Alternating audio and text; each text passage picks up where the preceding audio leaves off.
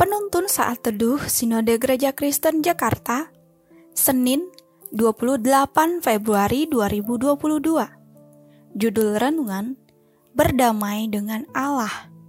Nats Alkitab terambil di dalam kitab 2 Korintus pasal 5 ayat 18 sampai 20 Dan semuanya ini dari Allah yang dengan perantaraan Kristus telah mendamaikan kita dengan dirinya dan yang telah mempercayakan pelayanan pendamaian itu kepada kami.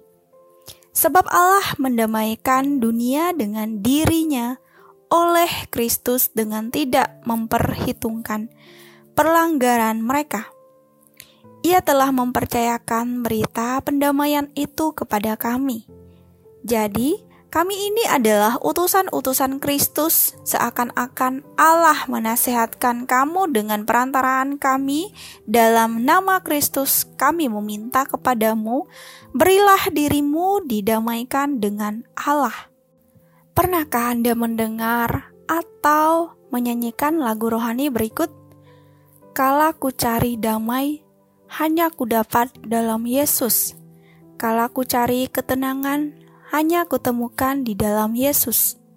Tak satu pun dapat menolongku, tak seorang pun dapat menghiburku. Hanya Yesus jawaban hidupku. Lirik lagu ini seolah-olah ingin menunjukkan bahwa segala sesuatu yang manusia capai dan miliki di dunia ini tidak otomatis memberi kedamaian sejati kepada manusia. Kedamaian hanya mungkin terjadi kepada manusia yang telah memberi respon aktif untuk diperdamaikan dengan Allah. Dalam nats ini, Rasul Paulus menjelaskan apa yang telah dilakukan Allah kepada manusia. Allah telah mendamaikan dirinya dengan manusia melalui kematian Kristus di kayu salib. Kita sudah tahu bahwa manusia berada dalam hubungan yang sudah rusak total dengan Allah, sehingga manusia memerlukan pemulihan hubungan atau rekonsiliasi dengannya. Usaha keras manusia tak pernah bisa memulihkan hubungannya dengan Allah. Itulah sebabnya Allah yang penuh kasih telah mengutus Yesus Kristus untuk menjadi korban pendamaian bagi manusia. Kita manusia memberi respon aktif terhadap misi pendamaian ini. Maka hubungan manusia dengan Allah dipulihkan. Hubungan vertikal. Dan pemulihan hubungan vertikal dengan Allah akan memulihkan hubungan yang baru antara manusia dengan sesamanya atau hubungan horizontal. Ketika kita telah didamaikan dengan Allah, kita akan tertantang untuk menghadirkan damai dalam keseharian kita. Ini kita lakukan bukan karena rasa takut yang mengancam, tetapi karena hati kita yang meluap dengan rasa syukur.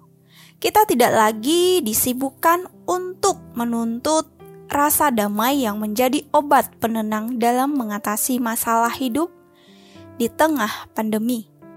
Sekalipun masa pandemi belum berakhir, tetapi hidup kita tidak akan terhimpit dan dikalahkan oleh kecemasan dan ketakutan. Hasil pendamaian dengan Allah patut menjadi penyemangat hidup yang memampukan kita berjalan di atas lintasan pergumulan dan persoalan hidup era pandemi ini. Pendamaian yang Allah kerjakan telah memberi kesempatan baru kepada kita untuk melihat segala tantangan hidup ini sebagai batu ujian terhadap damai yang Tuhan berikan. Amin. Terima kasih, Tuhan Yesus memberkati.